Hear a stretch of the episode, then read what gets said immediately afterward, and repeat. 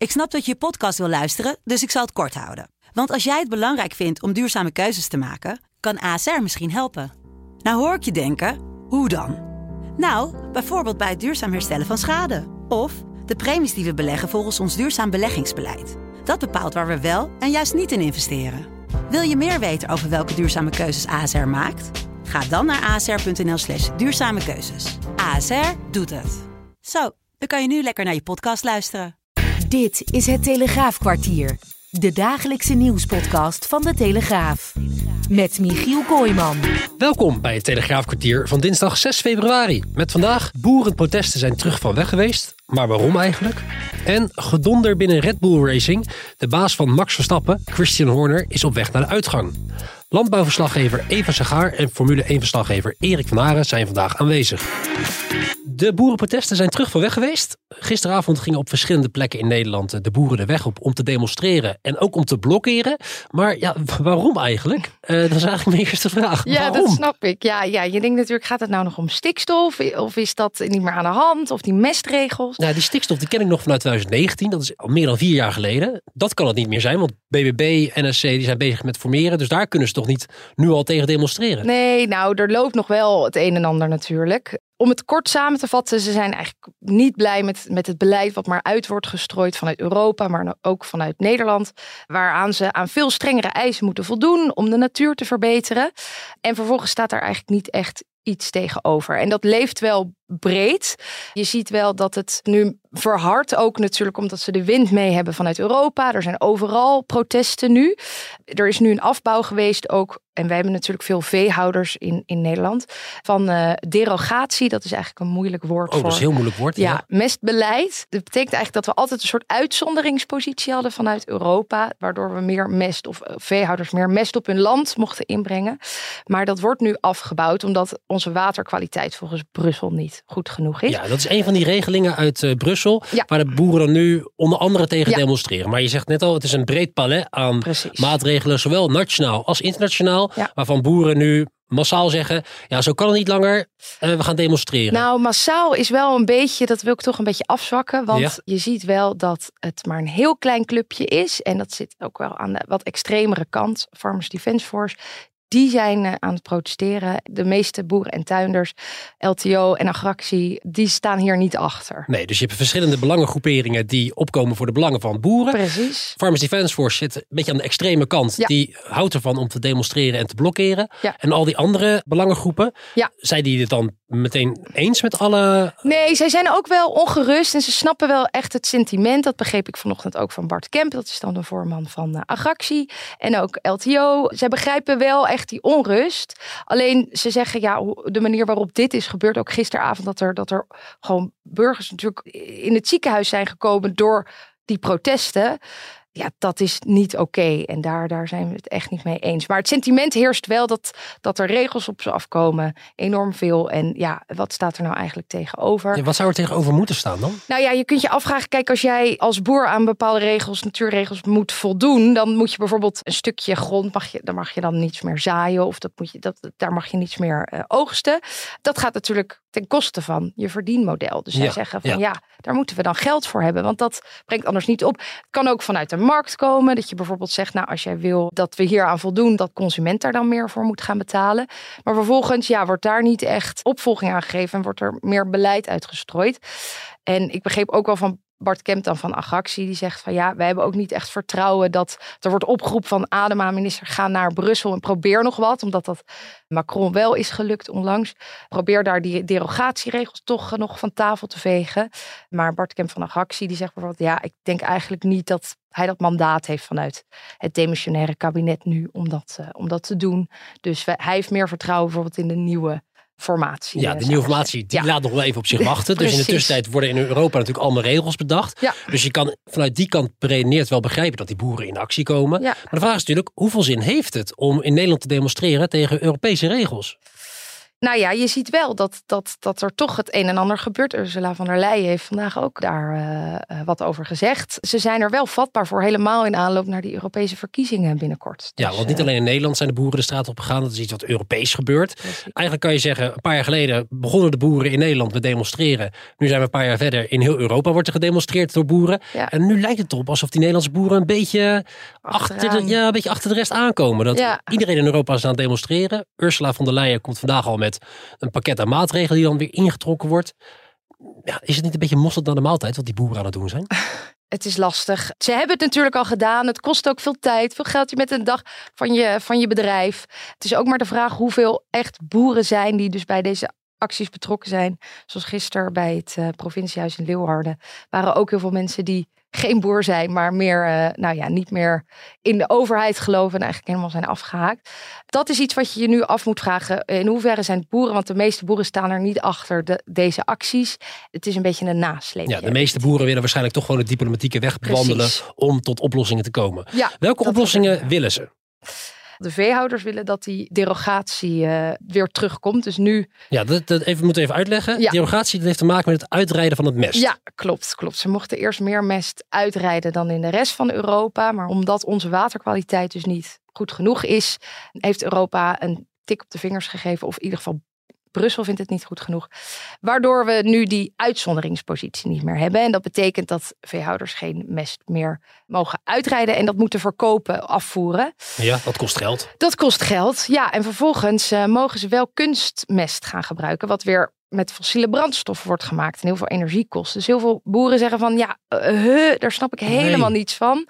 En waarom moet dat nou? Dus dat is ook een beetje wat ze natuurlijk ja, heel want, erg tegen de borst uit. Ja, want het aanschaffen van die kunstmest, dat kost ook weer geld. Precies. Naast dat het waarschijnlijk dus ook helemaal niet duurzaam is Klopt. gemaakt. Ja, Adema heeft gesprekken gevoerd met andere ministers van Landbouw over een soort nieuwe vorm van kunstmest, renewer. En dat, dat zou dan ervoor zorgen dat je uit dierlijke mest dat opdracht en dat als kunstmest kunt gebruiken. En dat zou helpen in dit probleem. Maar goed, dat, is, uh, dat, dat zijn gesprekken. Ja, dat zouden ze vanuit Europa ook weer goed uh, moeten keuren. Ja, maar ze zijn ook wel een beetje bang is dat dan niet weer een geitenpaadje vanuit Nederland om toch weer onder die regels uit te ja. kunnen komen. Dus nou ja, dat is een beetje. Ja, Nederland wil waarschijnlijk gewoon gebruik kunnen maken van die uitzonderingspositie. Ja, ja, Wat ja, ik me wel ja, afvraag, er zijn gisteravond natuurlijk veel demonstraties geweest overal in de landen. Hoe gaat dat vandaag en morgen? Zijn er weer nieuwe acties aangekondigd? Nou, niet echt. Ja, FDF, Farmers Defence Force, die komen dus vandaag bijeen om het te hebben over wat zij gaan doen. Of er een grote demonstratie komt. En die zou dan dit weekend plaatsvinden. Ik heb nog even gevraagd uh, bij de voorman daar, maar ik kreeg geen uh, antwoord. LTO, in ieder geval de, de melkveehouderij, uh, die hebben tegen mij gezegd als de minister niet in Brussel wil gaan praten, dan houdt de diplomatieke weg misschien op een gegeven moment wel op voor ons. Zij hebben morgen een gesprek uh, met de minister. En die heeft ook nog gesprekken met de pluimveehouderij en de akkerbouw. Dus er wordt echt wel overlegd. Zo'n breed scala aan de Ja, ja, ja. en dat is dan ook weer donderdag. Ja, precies. Dus zoals wij het nu hebben over de boeren. Het is echt een uh, bijna samenleving aan zich. Het ja. is gewoon oppassen wanneer het gebeurt. En dan elkaar ja. snel inlichten. En goed opletten op de weg. Zodat je niet zelf vreselijk. in het ziekenhuis uh, Nou, nou, laten we dat maar uh, nee, dat moet niet gebeuren. Nee, duidelijk. Dankjewel voor nu, Eva Segaar, landbouwverslaggever. En mochten er ontwikkelingen zijn in het dossier en er nieuwe regels komen, dan volg je dat uiteraard voor ons. Zeker. En dan kan je dat lezen of in de krant, of op de site, of bij ons op de app. De start van het nieuwe Formule 1 seizoen laat nog even op zich wachten. Pas in maart gaat men weer rijden. Maar gisteren stond de Formule 1 toch volop in de belangstelling. Wegens het onderzoek dat wordt gedaan naar Christian Horner, de teambaas van Red Bull Racing. Erik van Haren, onze Formule 1 verslaggever. Jij bracht dit nieuws gisteren als eerste. En dat is werkelijk ingeslagen als een bom, hè? Ja, zeker. Dat kun je wel zeggen. Dat was ook wel een beetje te, te verwachten. Want Christian Horner is natuurlijk niet zomaar iemand. Is een van de bekendste mensen in de Formule 1 staat altijd eigenlijk op de voorgrond. Is de teambaas en de CEO van het best presterende team van de laatste jaren, Red Bull Racing. En hij is ook gewoon in Engeland heel bekend, omdat hij een relatie heeft met voormalig Spice Girl Gary Halliwell. Uh, dus uh, ik ga bijna Engels ervan praten. Maar um, ja, de krantenkoppen die zeiden wel genoeg deze ochtend in Engeland. Ja, en nu heb ik begrepen uit de verslaggeving van jou dat het niet zomaar een onderzoek is wat naam is ingesteld, maar dat er veel meer achter schuil gaat. Er is een hele, hele strijd gaande binnen Red Bull Racing wie het daarvoor het zeggen heeft. Ja, het onderzoek staat daar aan de ene kant los van, want er is een aanklacht tegen hem gedaan intern, of in ieder geval beschuldigingen zijn er geuit van in ieder geval één vrouwelijke werknemster. En dat uh, onderzoek is dus gaande. Dat is ingesteld door Red Bull, dus niet door Red Bull Racing, maar echt het, het grote bedrijf Red Bull, uh, die we allemaal kennen van de energiedrankjes. Alleen ja, het nieuws is natuurlijk wel naar buiten gekomen, eigenlijk nadat wij verhalen hoorden. En die verhalen gaan dan vrij snel de ronde in de Formule 1-wereld. En toen we dat vroegen aan het hoofdbedrijf van Red Bull, toen kregen we eigenlijk vrij snel de reactie, dat statement wat, wat we ook in de krant hebben gezet. En dat geeft aan de ene kant wel te denken, als je een beetje de achtergrondverhalen kent, dat, dat er natuurlijk wel strijd gaande is achter de schermen in de top van Red Bull. Met Christian Horner aan de ene kant en Helmut Marko en de Oostenrijkers aan de andere kant. En dat dit dus naar buiten komt, dat, ja, dat zal Horner komt dat natuurlijk heel slecht uit om het zacht uit te drukken. Ja, maar wat voor strijd is dat dan? Je, hebt, je zei zojuist al, het is de, het meest succesvolle team van de afgelopen jaren. Dan zou je toch zeggen, never change a winning team, ga vooral zo door. Ik denk dat veel mensen het ook een beetje hadden zien aankomen toen Dieter uh, Mateschitz overleed in uh, 2022. de oprichter van, van Red Bull en ook de oprichter van het uh, raceteam. Dat in de periode daarna Horner eigenlijk steeds meer macht naar zich toe wilde grijpen. Alleen Horner is natuurlijk CEO en teambaas, maar de echt grote beslissingen werden altijd genomen door Mateschitz samen met zijn vertrouwenspersoon Helmut Marko. En die Oostenrijker, Helmut Marko, die, die bepaalt bijvoorbeeld welke coureurs te gaan rijden bij Red Bull en bij het zusterteam. En die heeft ook een heel goede band met Max Verstappen. Dus het was ook niet voor niets vorig jaar dat die verhalen kwamen dat Max Verstappen intern, ook tegen de Thaise eigenaar van Red Bull, zich heel hard maakte voor het aanblijven van Helmut Marko. En ja, je gaat dat soort dingen natuurlijk niet zomaar zeggen. Dus dat zeg je omdat er iets aan de hand is. Dus ja, dat is eigenlijk gewoon een soort machtsstrijd. Of niet een soort, dat is gewoon een machtsstrijd. En ja, die krijgt nu wel een hele bizarre twist, omdat deze zaak nu ook nog uh, aan het rollen is. En kijk, als iemand iets fout heeft gedaan, is dat natuurlijk al genoeg reden om hem weg te sturen. Of om zelf op te stappen. Alleen het komt uh, misschien de, sommige mensen in Red Bull ook wel goed uit. Dat, uh, om, uh, dat ze een extra reden hebben om, om iemand weg te kunnen sturen. Ja, het is wel duidelijk aan welke kant Max Verstappen zit. Die zit aan de kant van Helmut Marko. Dus mocht Christian Horner gaan vertrekken, dan is dat voor Max Verstappen geen reden om te vertrekken, toch? Nee, dat weet ik wel zeker. Het is natuurlijk ook gewoon een goed contract. Maar kijk, als je met mes op de keel aan Max Verstappen vraagt... als je zou moeten kiezen tussen Christian Horner en Helmut Marko... dan kies je altijd voor Helmut Marko.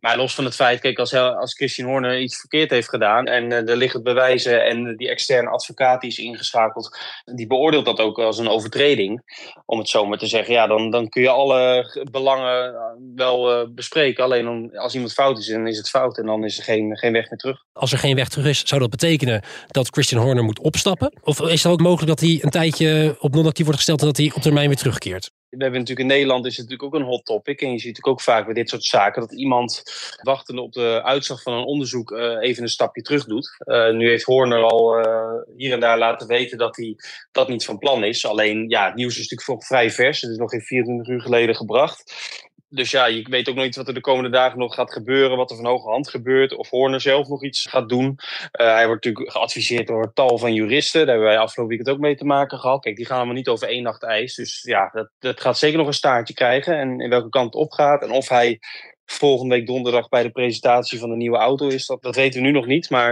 het lijkt me op dit moment heel sterk. Ja, er wordt dus flink aan de stoelpoten van Christian Horner gezaagd. Staan er al opvolgers klaar die heel graag die positie van hem willen overnemen?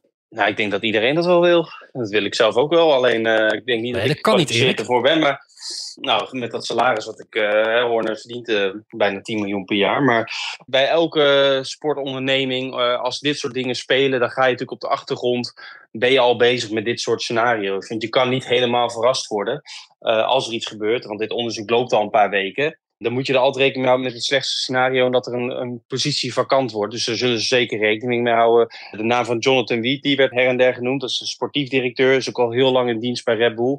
Al begreep ik niet dat dat de topkandidaat is. Maar dat zou misschien wel een interim functie kunnen zijn, natuurlijk dat hij tijdelijk even overneemt. Maar ja, goed, zover is het nog niet. Horner is op dit moment natuurlijk nog de teambaas. Maar ja, waar rook is, is vuur. En het lijkt me heel stug. Stel dat hij blijft, dat het allemaal goed blijft gaan. Want uh, ja, wat we nu geschetst hebben, is natuurlijk, zijn ook nog zaken op achtergrond die spelen. Dus dat dat heel lang vredig blijft daar bij Red Bull, dat, dat, vermoed ik van niet. Nee, nou jij gaat het in ieder geval voor ons goed in de gaten houden. Zoals je zelf al zegt, waar rook is, is vuur. Jij zit dicht bij het vuur en zal uh, ons in de krant en in de app en ook op de site van Telegraaf te alle tijden bijpraten over de ontwikkelingen bij Red Bull Racing. Dankjewel voor nu, Erik van Aren. Dit was het Telegraafkwartier voor vandaag. Vond je het nou interessant? Abonneer je dan op deze podcast via je favoriete podcast app en blijf op de hoogte van de nieuwste afleveringen. Tot morgen!